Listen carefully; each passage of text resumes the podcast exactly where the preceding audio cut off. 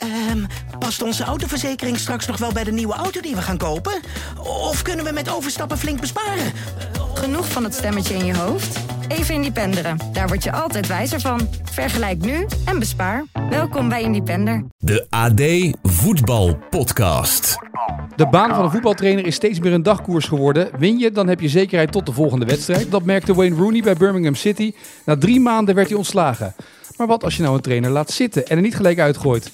Denk even aan Jurgen Klopp, een jaar geleden. Liverpool staat nu bovenaan in de Premier League. En nog geen jaar geleden kreeg Jurgen Klopp dit soort vragen.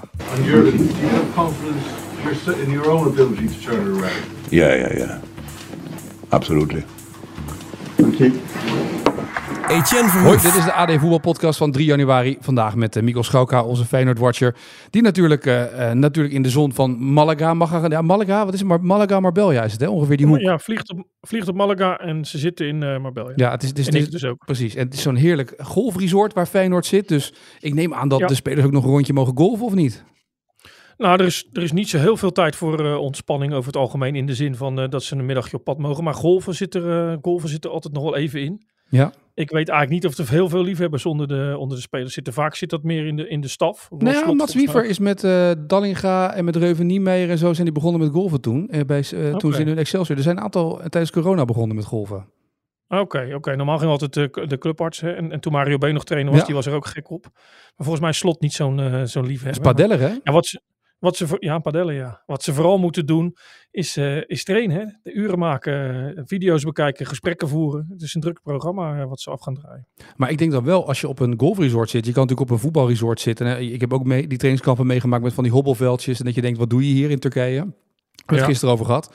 Maar golfresort, als daar het gras slecht is, dan heb je wel een reden tot klagen natuurlijk. Want dat is ongeveer, Ja, dat, dat, moet een, dat moet een grasmat zijn om van te dromen. Ja, ze zitten op La Quinta en dat is, dat is echt eh, perfect het gras. Want dat was het op het Marbella voetbalcenter ook wel. Alleen dan moest je het gras delen. Hè? Dus eh Feyenoord had vaak wel een eigen, een eigen veld. Maar daar wat dan een week ervoor had dan eh Eintracht erop getraind of, of, of weet ik veel wat.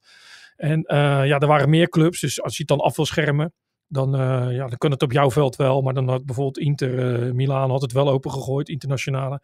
Die had het wel opengegooid. Dus ehm, ja, het is altijd fijner om het trainen wel op, eh, op eigen complex te hebben. Zodat je geen, geen eh, capriolen uit moet halen om bijvoorbeeld mensen buiten de deur te houden. Of ja, om dingen te herstellen die anderen aan je veld kapot hebben gemaakt. Ja, precies. Goed, Feyenoord bereidt zich daarvoor. Toen hadden we het gisteren in de podcast met Sjoerd er al over. Wat is de waarde nou van zo'n trainingskamp? En toen las ik bij ons in de krant een dag later. John van der Brom die zei, nou je kon in de winterstop toch nog wel dingen herstellen. Die aan het begin van het seizoen mis waren gegaan. En toen bedacht ik me ook wel weer, nu die selecties zo laat zijn samengesteld in, in de Ja. zomer. Is het misschien eigenlijk wel heel, heel ideaal om op zo'n moment eh, eigenlijk eh, op trainingskamp te gaan in de winter. Als het niet te laat is. Nou, dat geloof ik ook wel hoor. Kijk, dat het bij amateurclubs een klein beetje eh, overschat is, dat, dat, dat weet ik uit eigen, uit eigen ervaring. Dat is ook wel zo. Hè? Toch je wordt wel? hard getraind, maar vervolgens ja, kom je om vier uur s'nachts thuis en heb je, heb je te veel op. En dan ben je eigenlijk al die, die inspanningen heb je alweer weggegooid op conditioneel vlak. Dus dan, dan kun je wel aan teambuilding doen. Hè? Je, je leert elkaar wat beter kennen eh, eh, midden in de nacht of hoe je op, op bepaalde situaties reageert. Ja, die profs die gaan natuurlijk helemaal niet uit. Die liggen op tijd op bed. Al die voedingsprogramma's zijn perfect. Eh, het weer is netjes en, en, eh, lekker. Dus ze kunnen er echt wel goede, eh, goede stappen zetten. En ja, wat de voorbereiding betreft, hè, in de zomer heb je natuurlijk inderdaad vaak, ja, dan gaat Piet misschien nog weg of Klaas. En komt Keesje nou wel of, of, of, of Tines eh, niet. Ja, dat is voor die trainers is die selectie vaak helemaal niet rond. Bijna elke club in Nederland. En nu is dat toch wel eh, anders. De meeste selecties zijn rond. Ja, sommigen hebben wat spelers die ze missen van de Azië Cup of van eh, door de Afrika Cup. Maar ze kunnen echt wel gericht trainen. En Feyenoord heeft dat vorig jaar gedaan in, eh, in de periode dat het, WK, dat het WK voetbal was in Qatar. Konden ze echt grote stappen zetten. was een langere periode, maar hebben ze ook een week in Portugal gezeten. Veel langer is natuurlijk ook, ja, dan wordt het een beetje saai voor die spelers. En lang van huis houden ze ook niet zo van. Maar ja, nu kunnen ze echt wel eh, stappen zetten. Dus het is, ze zijn aan het trainen. Dat doen ze meerdere keren per dag. Maar ze gaan ook eh, bijvoorbeeld eh, video's bekijken over, over wat er fout is gegaan. Ja, er zijn individuele gesprekken. Ja, het is echt gewoon een, een druk programma. Dus je leeft echt puur als prof. zoals ze dat eigenlijk ook in Nederland wel moeten doen. Alleen die trainers hebben ze nu echt 24-7 eh, onder hun hoede. Dus die hebben ook niet dat ze weer moeten wachten op de volgende dag om verder te gaan. Ze kunnen voortdurend aan de slag. Dus het is eigenlijk belangrijker dan dat je zou denken. Ja.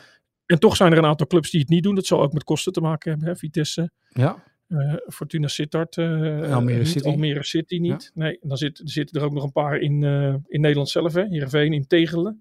Limburg. Ahead in Mierlo. Die krijgen dus vandaag de bal, die, die waait dan terug steeds, zeg maar. Natuurlijk met Storm Henk, of niet? Ja, ja, ja, nou ja, ja, inderdaad. Ja. Dus dat is ook, ja, het is ook wel, we hebben ook wel eens verhalen getikt natuurlijk dat, er, dat het regent eh, Ja. in, op die trainingskamp. Hè, of dat clubs eerder terugkwamen.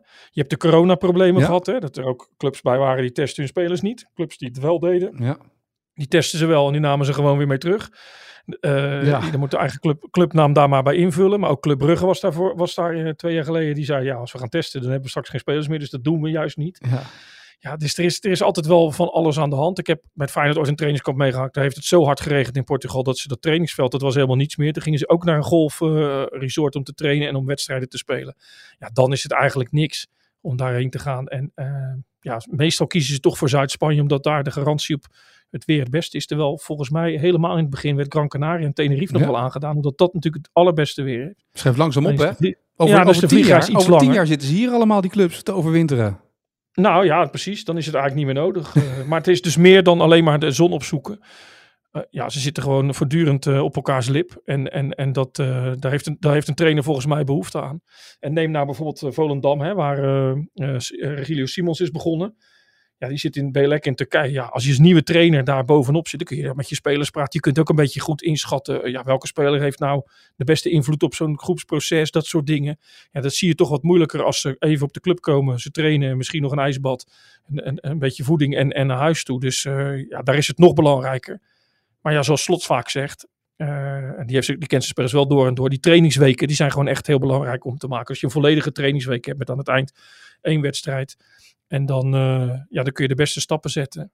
Ook in, in de manier van, eh, van, van eh, voetballen. En er zijn bepaalde dingen waar ze natuurlijk dan de nadruk op leggen. Het is niet allemaal nieuw, maar de dingen die niet goed zijn gegaan, die kun je nu eh, aanpassen, aanscherpen, dat soort dingen. Nou ja, zeker. Want ik las, we hebben het vaak over 4-3-3 of 5-3-2 of spelsystemen. Maar ik las van de- in de vakantie even een paar artikelen. Het schijnt dat Arteta heeft het ook gezegd. In een wedstrijd ziet hij gemiddeld 45 systemen voor de dag komen. Dus Ja. er zijn allerlei datarapporten gemaakt van spelers. Shichenko bijvoorbeeld, die als linksback begint in 4-3-3. Maar zodra Ja. eh, Arsenal in een ander systeem staat ineens... Dus die spelers moeten het ook allemaal uit hun hoofd kennen natuurlijk. Al die systemen waar ze moeten staan en hoe het gaat. Ja, en over het algemeen zijn het niet de meest intelligente eh, jongens natuurlijk. Hè? Op, dus op, op, schoolgebied, om het maar zo te noemen. Dus, maar op voetbalgebied moet je best wel eh, onderleg zijn. Dat is een hele andere intelligentie natuurlijk. Maar je moet dus inderdaad weten, ja, als een tegenstander zo speelt, wat zetten wij daar direct tegenover? En je ziet alleen bij de pers al dat we er vaak al niet eens uitkomen of het nou 5-3-2 is of 3-5-2. En als Louis dan zegt dat het 3-5-2 is of 3-4-2-1 Ja. of 3-4-1-2. Ja, dan gaat het bij een aantal natuurlijk al duizelen. Dus, maar dat is de eh, basisopstelling. Want ik zag dus in die rapport, in dat artikel ging het dus ook over Arteta. Dus dat eh, eh, sommige jongens dus heel erg op de rechtsbuitenpositie staan in de basisopstelling 4-3-3. Ja. Maar binnen dat schuiven van opstellingen wordt ineens een rechtsbuiten, wordt ineens centrale middenvelder, schuift op een andere plek door. En er wordt continu van ze gevraagd om daarin mee te bewegen. Ja, klopt, klopt. En Sinchenko is wel een mooi voorbeeld, want ook bij Oekraïne spelen ze zo. Hè? Nou, Ja. Dat is in verdedigend opzicht de linksback. En um, in balbezit is hij de schakel op het middenveld om de opbouw te verzorgen. Dus hij schuift continu tussen die twee posities. Ja, hoe noem je dan het systeem? Heb je het over 4-3-3? Is het 3-4-3? Ja, dat is, dat is natuurlijk... eh, ja, dat verschilt eigenlijk per minuut. Maar goed, je kunt wel altijd uitgaan van een bepaald basissysteem natuurlijk. Wat Ja, daar begint het mee, ja, precies. En, en als een speler dan even iets terugzakt uit een linie naar een andere linie, ja, moet je dan meteen een ander systeem noemen. Nou, het ligt er vooral aan wat, wat, waar zij tot de conclusie kwamen in dat verhaal. En dat het wordt bij FC Kopenhagen wordt alles onderzocht op basis van data nu in de jeugd. Omdat ze dan het brein van de jongens kijken. Sommige spelers kunnen heel goed scannen, à Frenkie de Jong. Die kijken twee, drie keer, wat Messi ook deed. En die kunnen dan gelijk een bal geven. Nou, Kopenhagen heeft dat helemaal onderzocht. Dat onderzoek komt binnenkort ook op de markt voor clubs ook. Om daar verder onderzoek in te doen. Eh, maar daaruit blijkt bijvoorbeeld dat de jongens in de jeugd nu, die kan je het beste trainen. Jongens die ouder zijn, kan je hier niet meer op trainen. Want dan gaan ze hun vaardigheden met voetbal missen. Maar jongens die heel goed kunnen scannen, en à Frenkie de Jong, moet je in de as zetten. En jongens Ja. die dat, dus, dus daar is Sichenko, eigenlijk is een back, maar die gaat veel meer de as inlopen eigenlijk. En jongens die Ja. heel snel zijn en intuïtief reageren, dat zijn je vleugelaanvallers, je vleugelspelers eigenlijk. ja, maar dat is eigenlijk natuurlijk al.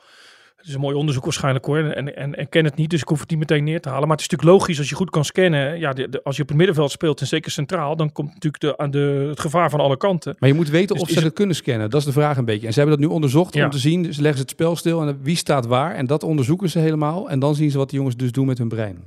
Ja, dat is weer een andere discussie. Wat het wel interessant maakt, is dat we natuurlijk ook een hele tijd een stroming hebben gehad. Die hebben gezegd, je moet spelers bij hun eigen club laten. Ja. En misschien pas op een veertiende naar een, eh, na- naar een profclub halen. Ja, als nu in dit, in dit soort onderzoeken naar voren komt dat je heel jong eigenlijk dit al aan moet leren. En als ze wat ouder worden, dat het lastig wordt.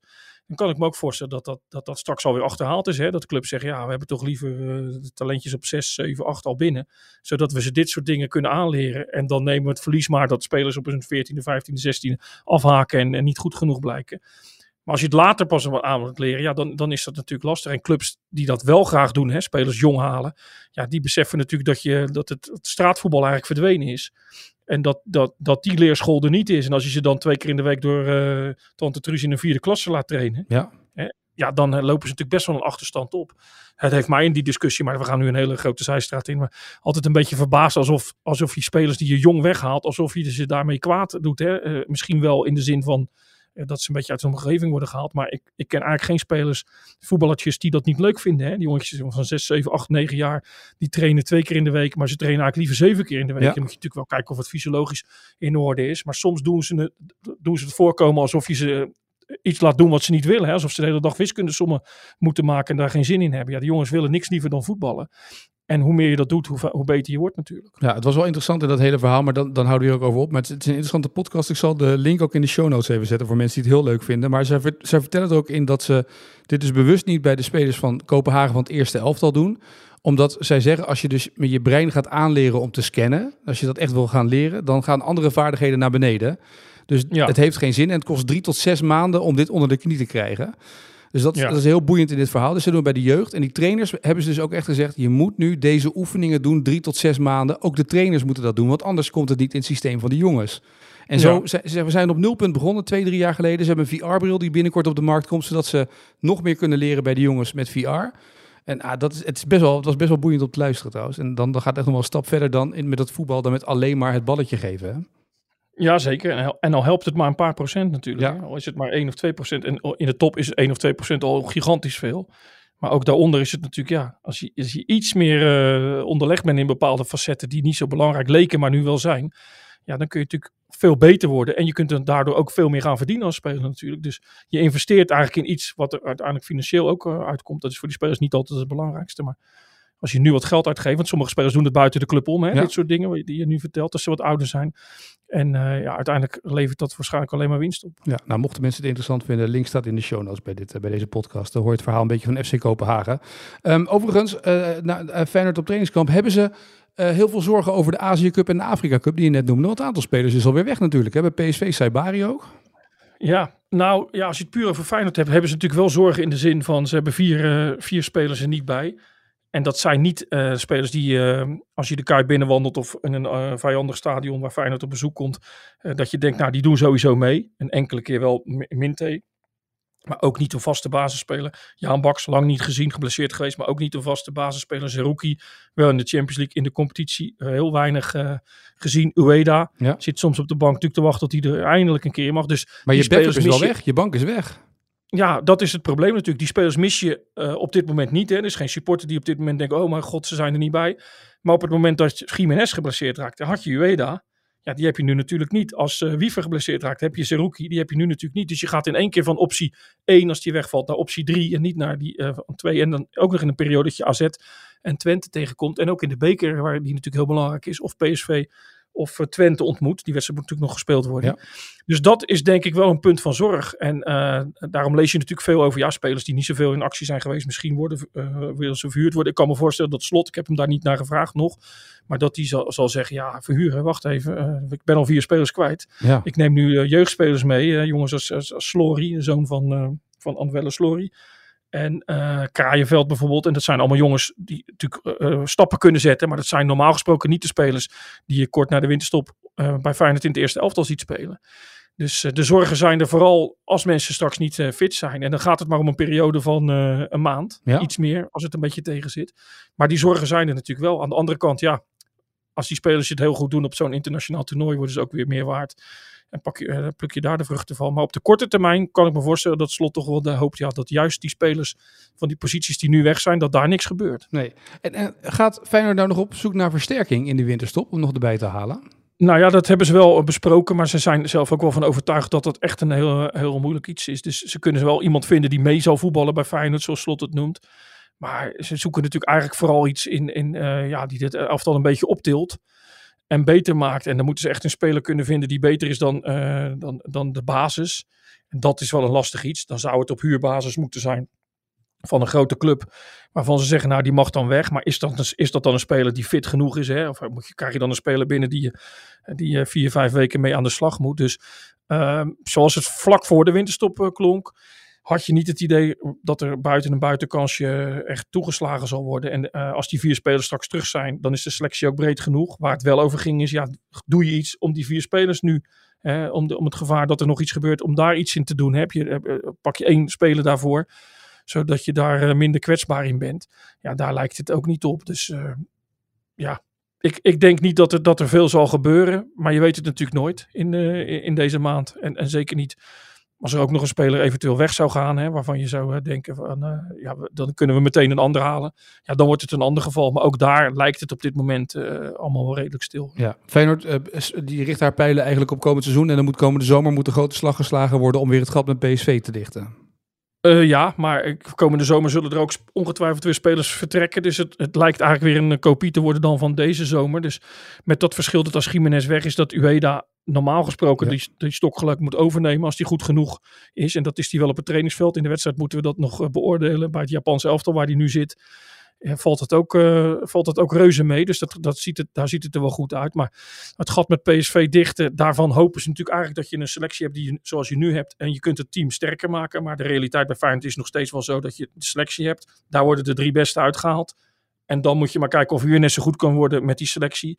En dan als het er heel erg mee zit, dat je nog iets beter kunt worden. Maar ja, Feyenoord en echt gelijk meteen beter worden, dat is financieel nog steeds wel een, eh, een probleem. Want dan moet je eigenlijk je beste spelers behouden en er nog betere spelers bij halen. Ja. Als je nou uh, Mets bent, de technisch directeur, en je hebt afgelopen zomer voor 16 miljoen Miko Tatsen verkocht aan Ajax. En, en die klopt met zijn zaakwaarnemer met Ajax samen op de deur. En dan die zegt, nou kan ik niet gewoon terugkomen, want ik kan nergens anders spelen. Het is of Ajax of Mets, anders heeft het niet heel veel zin, aangezien ik voor twee clubs al in actie ben gekomen. Wat zou je dan doen? Zou je dan zeggen, ja dat is goed, maar dan wel voor 2 miljoen? Of wat zou je doen? Ja, ik zou het wel doen, omdat eh, ja, het Ajax is zo zwak gebleken voor de winterstop, dat als je nu niet speelt, ja, dan is de kans natuurlijk wel heel klein dat dat nog een succesverhaal gaat worden. Ja. Dus ja, die jongen verpiet het een beetje. Hij heeft heel veel geld gekost. Je kunt hem misschien op deze manier nog een klein beetje aan, aan marktwaarde terug laten winnen. Dat gaat in de Eredivisie moeilijk zijn. Bovendien, ja, ik sta er niet bij uh, op het veld bij, bij Ajax en ook niet in de kleedkamer. Maar ik kan me ook voorstellen dat die een beetje met zijn ziel onder zijn arm loopt. Hè. Het is niet geworden wat hij ervan gehoopt had, terwijl er een gigantisch bedrag voor hem betaald is. Hè. Want eh, als je dit noemt, je noemt 16 miljoen. Ja, het is wisselgeld. Wat... Kom op. Ja, nou ja, als, dat is dus eigenlijk alleen Ajax wat dat kan doen. Hè. PSV zit er nog een klein beetje bij in de buurt. Feyenoord uh, benadert die bedragen helemaal niet. Dus ja, als, als, dat dan een speler blijkt die het eigenlijk helemaal niet kan, eh, kan brengen dan is het natuurlijk volgens mij beter om daar uh, een beetje fris eh, bloed in die selectie te krijgen en, en hem weer uh, te laten vertrekken. En dan inderdaad, ja, met op huurbasis met een optie tot kopen. Dan hopen dat hij het daar goed doet. En dan je verlies pakken, want ja, Mets gaat natuurlijk geen 16 miljoen neerleggen. Nee, dat denk ik ook niet. Nee, Mets gaat natuurlijk zeggen, ja, willen we wel doen, maar dan voor een, een gereduceerd tarief eigenlijk. Ja, ja, dus je moet eigenlijk hopen dat die jongen daar weer zoveel gaat scoren voor die jongen dan dat die jongen zoveel gaat scoren als dat hij daar voorheen deed. En dat hij, uh, dat hij zichzelf op die manier weer in de markt zet. Maar ja, in de Eredivisie lijkt het een, uh, een totaal mislukt iets. Ja. De winterstop trouwens wel een goed moment voor oud Feyenoord trainers om een nieuwe baan te vinden, zo blijkt. Ja. Dirk Kuyt naar België, verbaasde mij wel een beetje of niet? Ja, nou ja, het was ook niet zo dat ik dacht, die gaat hij eerdaags beginnen. Maar ja, hij heeft het natuurlijk moeilijk gehad. En, en dit is dan misschien nog niet eens zo'n gekke stap. Ik hoorde vandaag nog over, uh, in die vakanties loop je af en toe uh, verjaardagen af. Of hoe noem je het, nieuwjaars ja. familiefestijnen en dat soort dingen. En die stelde dezelfde vraag eigenlijk. Ja, wat moet hij daar nou? Ja, het kan twee kanten op. Ze staan bovenaan. Dus ja, als hij straks promoveert, dan straalt dat toch af op jou. Hè? Weliswaar de helft van het werk is al gedaan. Maar goed, het gaat erom wie ze uiteindelijk over die streep heen duwt. Dus dat zou natuurlijk in zijn trainerscarrière heel goed zijn naar alles wat uh, daarvoor nog niet is gelukt. Ja, het kan ook zo zijn dat je met, bij een koploper begint en als hij dan een beetje wegzakt, dat mensen zullen zeggen, kijk, Dirk kwam toen binnen en, en daarna zijn we, zijn, zijn we weggezakt als club. Maar goed, ja, er is daar wel iets mogelijk. Het is ook duidelijk dat hij natuurlijk niet op dit moment in de fase van zijn carrière zit dat heel veel grote clubs eh, aankloppen. Als hoofdtrainer dan. Hè. Ik denk dat hij wel assistenttrainer hier en daar had kunnen worden. Maar als hoofdtrainer heb je het dan niet voor het uitzoeken ja, dan is dit nog, nog niet zo'n gekke stap. En dan is het voor hem te hopen dat hij dat elftal uh, inderdaad naar de hoogste Belgische afdeling brengt. Het is wel zo dat ze in België natuurlijk uh, twee keer met de ogen knipperen over het algemeen. Ja. En dan een trainer er weer uitswiepen. Dus, dus het is ook, uh, het is ook, het neemt een risico met zich mee. Maar ja, dat is, dat is het vak van de trainer zijn natuurlijk. Maar stel je voor dat het weer niet lukt. Ja. ja, dan heb je natuurlijk wel echt een knauw gekregen. Maar ja, als ik nu lees wat ik uh, vanuit België meekrijg, is, is dat hij echt te popel om het weer te laten zien. Heeft hij ook geleerd van de fouten die hij heeft gemaakt. Hè? Die heeft hij ook benoemd uh, bij ADO en, en, en dergelijke. Dat, uh, welke dingen die anders zou doen. Dat hij soms misschien te gretig was. Dat hij het idee had dat met een technisch directeur binnen zo'n club allemaal wel zou rijlen en zeilen. Maar dat hij toen allerlei dingen alleen moest gaan doen. Ja, ik hoop dat hij dit nu heeft afgekaart. En, en Rob Jansen doet natuurlijk zijn zaken. Die zal ongetwijfeld goed hebben nagedacht over de volgende stap. Omdat hij ook weet op welk kruispunt Dirk inmiddels staat ja, als trainer. Precies, want anders wordt het ook zo lastig inderdaad, ja. Ja, maar de meest interessante bedoelde jij natuurlijk is, is van Broncos natuurlijk. Nou, is wel pikant hè. Het is dat Sjoerd niet in de podcast zit. Die had natuurlijk gelijk geroepen dat het schande is dat, hij niet, dat uh, Van Gastel niet weg mag bij NAC. Maar Van Bronckhorst naar Besiktas is één. Maar die wil Van Gastel meenemen die eindelijk zijn eerste baan in Nederland heeft als hoofdtrainer bij NAC Breda. Ja, nou ja, en uh, voor zover, we nemen hem natuurlijk op een bepaald tijdstip op. Hè. Ja. Nu nemen we het op. Op dit moment is de stand van zaken zo dat ze bij NAC uh, zeggen, ja, wij beginnen er eigenlijk niet aan. het woord imago-schade is geloof ik zelfs gevallen. Ze willen hem niet laten gaan. En nou ja, voor Van Bronckhorst is het een vereiste. Ik weet niet als het heel lang duurt, dat hij dan misschien denkt: van ja, dan switch ik even van Van Gastel toch naar die of die assistent, want die is wel beschikbaar. Maar Van Bronckhorst weet dat hij succes moet hebben met een bepaalde groep mensen om hem heen. Uh, in in uh, Schotland had hij Dave Vos, hè, maar ja, die ligt bij Ajax vast. Dus ja, die had hij, die had hij in Schotland, was uitstekende samenwerking. Toen kon hij Van Gastel ook niet meenemen, want die zat in, in, in China. Maar nu wil hij hem per se uh, erbij hebben, omdat hij denkt dat hij daar het meeste succes mee kan boeken. Van Gastel wil heel graag, Van Broncos wil ook heel graag naar Besiktas. Maar NAC staat daar niet om te springen, dus dat, dat maakt nog wel, uh, ja, dat maakt het natuurlijk wel een beetje pikant, omdat in de voetbalwereld, en zeker NAC, we hebben het net over Belgische clubs die ja. trainers eruit gooien. Maar bij NAC waren ze er ook vrij scheutig mee de laatste jaren. Hè. Als je maar twee keer uh, verloor, zat je op de wip. En bij de derde of vierde kreeg je een schop onder je reet in Breda. En nu krijgt deze trainer toch wel een behoorlijke grote kans. Hè. Uh, in de staf bij zijn grote maat van Bronkhorst. Turkse topclub, echt een hele grote club bij Besiktas. Boerik Yilmaz daar weg, ze kunnen daar iets neer gaan zetten. Ja, dan wordt dat toch gedwarsboomd. Ik vind dat toch wel moeilijk, omdat hij heeft ook contract maar tot het einde van het jaar tot het einde van het seizoen. Dus het is ook niet zo dat NAC het beleid recht voor de komende jaren op heeft uh, gebouwd. En ja. De andere uh, kant is ook je... alweer, je tekent met je volle verstand om hoofdtrainer te worden in Nederland. Je Zeker. bent blij dat je die kans krijgt dat je in Nederland een keer hoofdtrainer bent. Dan kun je ook niet na Zeker. drie maanden of vier maanden zeggen, oh, Besiktas komt voorbij. Het is ook geen, ja. het is geen Barcelona, hè? Nee, dat is, nou, nee, dat is ook zo. Maar die komt natuurlijk, in, ja, voor Van Bronckhorst weet je het nooit. Maar voor, voor normaal gesproken niet. Of weer via Van Bronckhorst. Maar het is natuurlijk wel echt een mooie stap. Ja, het is een beetje uh, wat je als club uh, op je hals wil halen. Kijk, als jij nou met mij die podcast neemt. En ik zeg eigenlijk in januari van joh. Ik wil die podcast helemaal niet meer maken. Ik wil hem maken bij, uh, ik noem maar wat ja, in ieder geval een, een, andere podcastmaker. En jij zegt, ja, ik laat je niet gaan. Ik, en het wordt steeds meer een sleur. En elke keer als je inbelt en dan zit ik met zo'n zaggerijnig hoofd en dan uh, hou ik het kort en de, de, de, motivatie is eruit. Ja, daar schiet je ook niks mee op. Dus het moet wel van twee kanten blijven komen. En nee, maar voor je naam als trainer, dat... voor je we begonnen deze podcast met je positie als trainer. Weet je, met die quote van Klopp ja. die een jaar geleden uh, iedereen twijfelde of die door kon of niet. Maar ook als trainer moet je ook ergens iets van standvastigheid toch hebben. Ik wil hier door of niet. Of dat je, dat je in ieder geval continuïteit waarborgt. Ja, ik zou als ik, als ik een club was en zo'n trainer komt en zegt ik wil per se weg. Ja, dan zou ik daar uh, uh, niet te lang over twijfelen. Misschien moet je nog iets doen met een schadevergoeding of zo. Omdat je een ander iemand aan moet nemen. Of je hebt wat kosten gemaakt. Maar ik geloof niet dat je met een trainer per se door moet gaan waar je ja, die zelf eigenlijk niet meer wil. Nee, dat denk ik ook. Dat ben ik met je eens. Dat geloof ik ook wel. Maar ik vind het ook gek van een trainer dat je dan nu roept dat je twee maanden bezig bent en dan zegt ik wil, ik wil naar Besiktas. Natuurlijk. En als club zijn, dan kan ik me ook voorstellen dat dat in eerste instantie rauw op je dak valt. Aan de andere kant kan ik me ook niet voorstellen dat Van Bronckhorst of dat uh, Van Gastel toen hij daar tekende niet heeft gezegd van joh, uh, want hij tekent ook maar kort. Ja. Dus daar leek het ook een klein beetje op van joh, ik help jullie uit de brand, jullie helpen mij uit de brand, ik heb toch niks te doen ja, hij heeft niet gedacht dat hij zo snel waarschijnlijk al die stap kan maken. Dus je kunt hem als club eraan houden. Maar je kreeg ook bijvoorbeeld laatst het verhaal met Pusic. Hè, die, ja. uh, naar Shakhtar, daar hoor ik heel veel mensen van. Ja, fijn dat het gewoon, had hem gewoon vast moeten houden. Maar dan krijg je dus iemand die dus gewoon letterlijk heeft gezegd hè, bij de clubleiding. Ja, deze club, dit deze stap wil ik maken. Ik wil dat jullie me laten gaan. Zeg je op dat moment nee. Ja, dan heb je toch een teleurgesteld iemand. Dan is het nog maar de vraag hoe makkelijk kun je daar overheen stappen. En bij Puzic is natuurlijk een, eh, een jongen uit de Balkan. Hè. Ik kan me voorstellen dat dat misschien nog wat eh, gevoeliger eh, ligt. Dat hij dat hij misschien nog wat geïrriteerder is omdat hem, omdat hem een grote kans is ontnomen. Bij Van Bronckhorst of Van Van Gastel ligt dat misschien iets anders.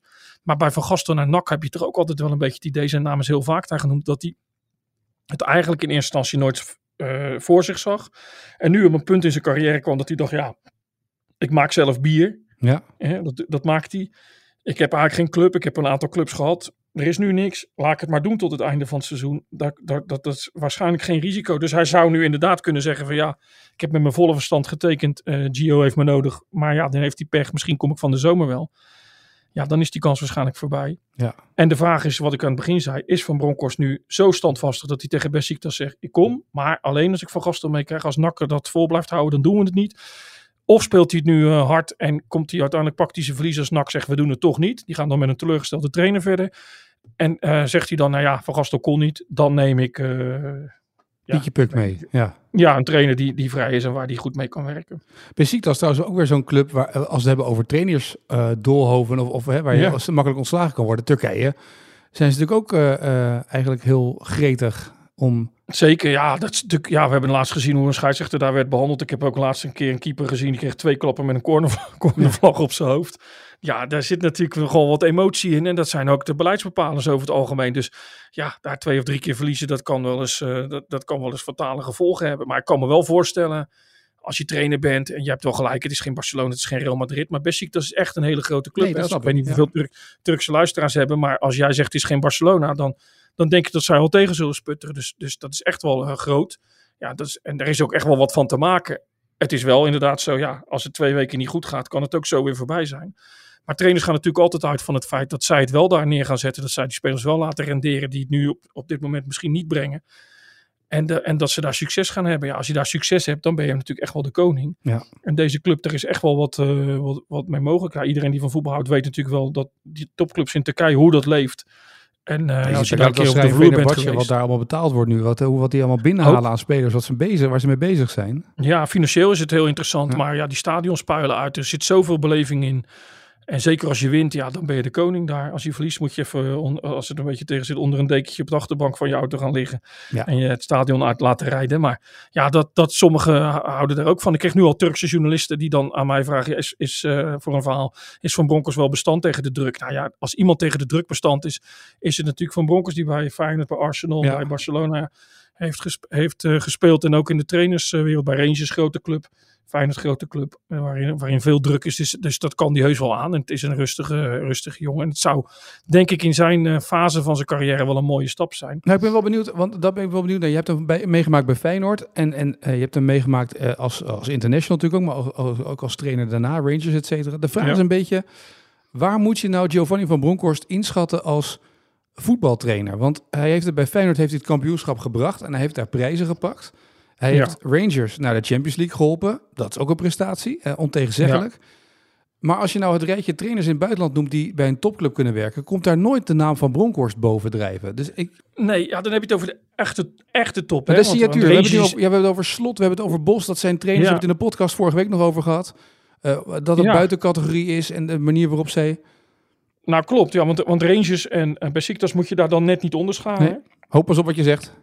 Besiktas Nou ja, topclub. precies. Maar ik bedoel, dan heb je het maar over een club of tien Ja. waar, je, waar je kunt werken. Ja, daar zijn er maar heel weinig. Maar daar is zijn naam eh, daar is, eh, eh, niet of nauwelijks bij gevallen. Maar Van Bronckhorst heeft iets unieks. Van Bronckhorst is dus, kan dus eh bikkelhard zijn.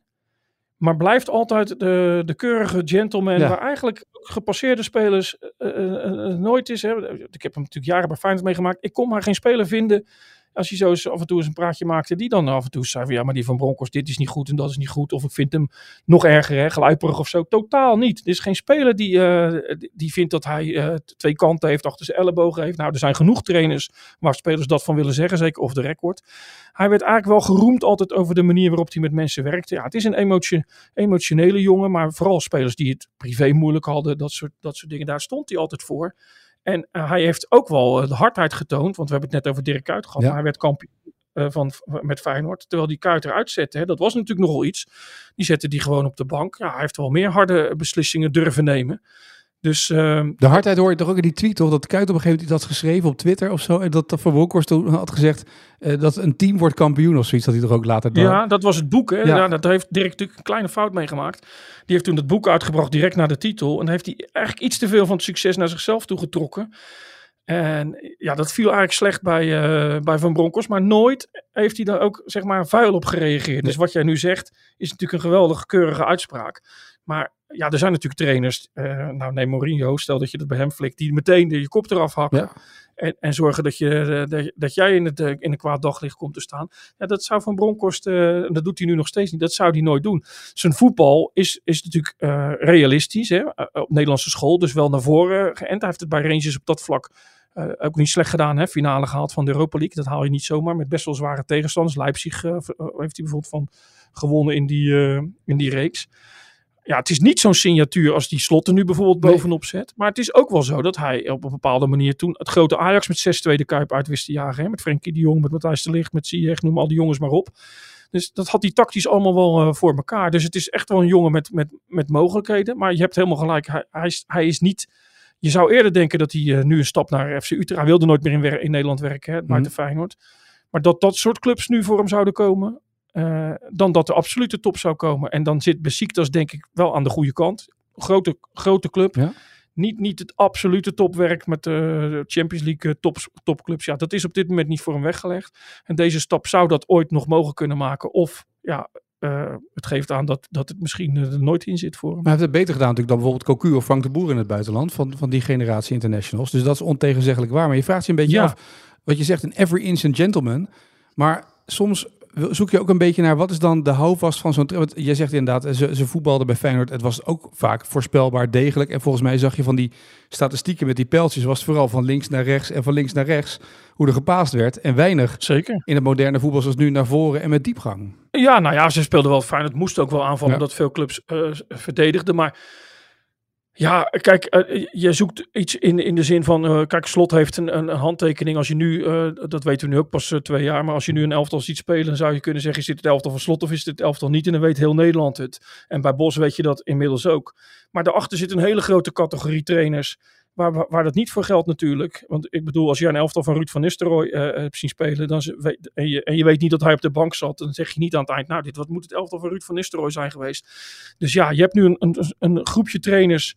die ontzettend een handtekening onder een elftal kunnen zetten... en waar zelfs een leek van kan zien... oh ja, die spelen het voetbal van eh, Guardiola, De Zerbi... ze hoeft niet eens bij de absolute top te zitten. Maar een hele grote groep heeft dat ook niet. En dat, daar zit Van Bronckhorst eh, ook bij... Dus het is niet het typische van Bronkhorst eh, spel wat er gespeeld wordt. Maar ja, het is wel degelijk. Tactisch is het in orde. Maar ja, hij weet resultaat te halen. Ja. En je weet wat je binnenhaalt. Ja, eh, het is niet een man die eh, vloekend en scheldend en spurend richting scheidsrechters de tunnel in gaat. Zo'n type kan je ook nodig hebben als club. Maar dat haal je, haal je niet binnen. Je haalt een rustige eh, jongen binnen. En ja, die druk die kan hij wel aan. Alleen in Turkije wordt het natuurlijk wel af en toe een beetje te emotioneel. En dan ben ik wel benieuwd of hij dan ook denkt van ja, eh, is dit nou eigenlijk wat ik wil? Ja. Maar goed, ja, eh, het is ook wel weer tijd voor hem om op het veld te staan. Hè? Ik denk het ook. Nee, je kan je voorbereiden op een reisje Turkije, denk ik, zomaar over een paar ma een maand of twee, of niet? Ja, nou ja, als NAC meewerkt, dan- dat, Ja. is natuurlijk eh, even de vraag. En, en eh, als, als, eh, en of hij inderdaad aan eh, Van Gastel hangt, wat ik al zei. Of dat hij dan toch denkt van ja, laat die dan maar gaan. Want hij is naar Rangers ook zonder Van Gastel gegaan, dus het kan wel. En het was daar ook niet een fiasco, dus het kan wel. Alleen hij moet wel de juiste assistent vinden. Ja, oké. Eh, Feyenoord speelt. Wanneer spelen ze? Ze spelen zaterdag tegen Mainz Ja, op het Marbella voetbalcenter. mooi. En ook te zien waarschijnlijk op televisie ergens of niet? Helemaal niet. Eh, nee, alleen op YouTube van eh Feyenoord zelf. Ja. Dus daar wordt altijd grof op ingelogd. en ja, eh, die wedstrijd op het trainingskamp over het algemeen natuurlijk aan het einde van een zware trainingsweek. Ja. En eh, soms wil je wel eens zien hoe zo'n jonge jongen zich houdt. Hè. Ik weet nog dat eh, Rick Dekker van, uit de jeugd van Feyenoord meeging. Die speelde toen niet zo'n goede wedstrijd. Was een beetje ongelukkig. Was ook niet helemaal eerlijk. Speelde toen tegen een, in, in- volgens mij een international van Ivoorkust. Volgens mij was het ook tegen Mainz. Nee, tegen Basel. En ja, die hebben we nooit meer teruggezien Nee. omdat het toen ongelukkig ging dus. En andere spelers, zoals Filena bijvoorbeeld toen die debuteerde. Ja, die eh, schopte Ricky van Haren van het trainingsveld af op de eerste training. Dat was een concurrent van hem. Die zat in het vliegtuig en op dat moment zat hij heel dicht tegen de basis aan. Ja. ja, dus voor sommige spelers is het echt wel de kans om door te breken. De jonge jongens die nu meegaan bij Feyenoord zijn er vooral voor de aantallen. zijn natuurlijk wel interessante spelers, maar niet spelers waar we normaal gesproken de rest van het seizoen eh, op kunnen gaan, eh, gaan, gaan, gaan verheugen. Omdat ze op het veld staan. Maar ja, dat maakt die trainingskampen toch vaak wel, wel interessant. Ja, dat is waar. Nou, dat eh, ga jij de komende dagen zien. En wij hebben ook nog een interessant eh, vraagstuk dat we moeten oplossen. Dat is namelijk de vraag van vandaag. De vraag van vandaag. En dit was de vraag gisteren van Sjoerd aan jou en onze luisteraars. Nou, we doen ook die PSV-supporters die allemaal zo teleurgesteld waren, waren dat we geen podcast hadden eh, over PSV specifiek. Die zijn natuurlijk maar gedeeltelijk tevreden gesteld met onze korte PSV-passage van vandaag. Dus dan doen we ook nog een PSV-vraag. Oké, heel goed. Dat lijkt me wel gepast. Nee, eh, jij kent Edward Linskes nog wel, toch? Zeker. Onlangs een boek over verschenen, geschreven door eh, onze grote vriend eh, Rick Elfrink. Ehm, bekend geworden natuurlijk om dat doelpunt tegen Real Madrid. Hè, met die, die, die rare bal tegen Bujo. Mhm. Maar lange carrière gehad bij PSV. Maar hij heeft ook bij twee andere Nederlandse clubs gespeeld. Niet heel lang, niet heel succesvol. Maar toch twee andere Nederlandse clubs. De vraag is, en dan heb ik het over betaald voetbal. Welke twee clubs speelde Edward Linskens in Nederland? De twee Nederlandse clubs, dat is één. En dan ook nog de bonusvraag, welke Belgische club speelde die? Als je die ook weet, dan eh, zit je in de bonus. Nou ja, één is natuurlijk eh NAC. Ja, dat kan niet anders. Ja. Sjoerd stelt de vraag. Ja. Eh, de tweede is VVV. ja. En in België Lokeren. Nou, uitstekend. Dat wisten veel mensen. Dat is wel mooi. Onder andere via Instagram binnengekomen eh Wit Red. Dat betekent denk ik waarschijnlijk eh, rood-wit, maar dan omgedraaid. hè? PSV-supporter. Eh, maar die, eh, zal, die, was in ieder geval, die vond het in ieder geval dat dit het antwoord was. Dus bij deze de eervolle vermelding. Bijna geen fouten binnengekregen hoor. Allemaal mensen die riepen deze, deze clubs. Inderdaad, sommige mensen zoals Bram Nijhuis zei ook. Ja, NAC, short kennende. En anders eh, was het vrij logisch dat dat het was. Dus dat wisten mensen wel. En VVV wisten ze ook en Loker ook. Dus daarvoor Witred als eervolle vermelding voor deze dag. Nieuwe vraag van vandaag voor morgen. Die is dan voor jou. Ja, ik heb een moeilijke, want deze is natuurlijk wel makkelijk te googlen, denk ik. Linskens clubs. En dan, en dan ben je er. Dus ehm, ja, daar hoef je ook geen pakket Het aan gaat te geven. ook soms om het blote hoofd ook hè, voor mensen. Dus ook, het is- Ja, tuurlijk, natuurlijk. Maar ja. Maar ik heb er eentje, kijk, op, dit was vakantie, hè? dan is er wel Engels voetbal. Dan Ja. kijk je natuurlijk eh, naar een wat Spaans voetbal. Maar er zijn dan ook series, hè? zoals op Videoland de serie Sleepers. Mhm. Daar speelt Henk ten Katen in, hè? Ja. Als, als een agent. Hij heeft een kor- korte, korte zinnetjes. Eh, dat is op zich interessant. Maar de hoofdpersoon in deze serie, en nu zullen er al veel af, afhaken, want niet iedereen kijkt dat natuurlijk, is Martin Oudkerk. Hè? Een, een regisseur, een corrupte regisseur uit Utrecht. Ja, loopt ook af en toe in Utrecht kleding. En zijn zoon, een dove jongen, heet Max Oudkerk. En die draagt in een van die uitzendingen een FC Utrecht shirt. Met de naam van een inmiddels vertrokken speler op zijn rug. Ik maak het iets makkelijker. Het was een middenvelder. Maar welke naam van, die, van welke Utrecht-speler draagt die jongen op zijn rug in een van die eh, uitzendingen? In een van die eh, afleveringen? Je kan echt merken dat jij vakantie hebt gehad. Hè? Je hebt ineens allerlei andere Ja. dingen gekeken dan voetbalseries. Wat is het Ik allemaal? kijk, tegenwoordig, ik kijk tegenwoordig in vragen van... eh, ja, dus ik kijk naar iets en denk, ja, dat zou ik eigenlijk een vraag van... Dat zou ook een vraag kunnen zijn. maar ik kijk, je- kijk je nu ook ineens Palace Boer zoekt voorbij vrouw met mevrouw Gauka ineens, of niet? Sorry. Kijk, ik kijk je ook Boer zoekt vrouw met mevrouw Gauka nu ineens eh, Nee, ja, die, deze sla, week? nee die, sla, ik- die sla ik over. Maar ik zit nu te kijken naar Luton Town en dan denk ik, ja, eh, zou er niet een vraag voor Etienne in zitten? Ja. En nu bij Sleepers, waar, je, waar we wachten elke keer op de nieuwe uitzending. En toen zag ik Henk ten Kater, toen dacht ik, dat is misschien een leuke vraag. Is er niet wat anders te verzinnen? Nou, dan kan je natuurlijk vragen naar mensen die, eh, grote eh, spelers die ook in series zijn voorgekomen. Hè? Dus misschien een vraag voor later. Danny Blind in All Stars. Ja. Royston Drenthe in Mokkero Mafia. eh, nou ja, in Engeland natuurlijk veel. Maar deze is niet terug te vinden op internet. Dus ja, als je nog een pakket ergens voor weg te geven hebt. Dan, Nou ja, bij deze, benieuwd. ja, dan, dan kan je een Utrecht shirtje Dan bestellen bij de, voetbalshop.nl. Ja. heeft gezien. Ja. Of misschien wel de familie van die, eh, van die speler. Ik vind het een hele mooie vraag. Mocht je het weten, laat het mij weten via X met de hashtag AD Voetbalpodcast. Of reageer even via Instagram door een berichtje naar mij te sturen. Dan ding je mee naar die prijs, want dan zetten we een prijs op. Als je dit weet, vind ik echt heel knap. Als je weet welk Utrecht shirt eh, er werd gedragen van de inmiddels vertrokken middenvelder. Dus ik ben heel benieuwd of je het weet. Eh, laat het weten en dan morgen het antwoord. Wie hebben morgen? Johan volgens mij, hè? of niet? Ja, die weet het nooit. Die weet het nooit. Nee, die gaat hier, die gaat hier zitten. Oh jee, wat is dit nou? Wat is dit nou voor vraag van Mikos? Je kent heel dit Videoland niet Nee, natuurlijk. dat hebben ze nog, dat hebben ze nog niet binnengekregen daar bij Johan. Nee. nou, binnenkort kent hij het wel, want het is van DPG als het doorgaat. Ja, ja, ja. Het is Dus binnenkort van ons. Een beetje, dat is ook tactisch van mij. Ik loop Oh, wel een slim. beetje op de zaken. Oh, je een beetje op de zaken vooruit ook natuurlijk, hè? Ja, Ja, moet, goed blaadje komen alvast. moet nog wel goedgekeurd worden natuurlijk, hè, die overname. Dat moet wel... eh, maar goed, als het eenmaal goedgekeurd wordt, dan eh, ben jij slim bezig. Ja. Mikos de serie, binnenkort op Videoland. Ja, ja heel Het zal niet zo spannender worden. Ik wens je een mooie week nog en eh, tot eh, volgende week sowieso, Mikos. ja, oké. Ah, we rijden al jaren schadevrij en toch stijgt de premie van onze autoverzekering elk jaar weer. Kunnen we niet eens wat besparen? Genoeg van het stemmetje in je hoofd? Even Independeren. Daar word je altijd wijzer van. Vergelijk nu en bespaar. Welkom bij Independer.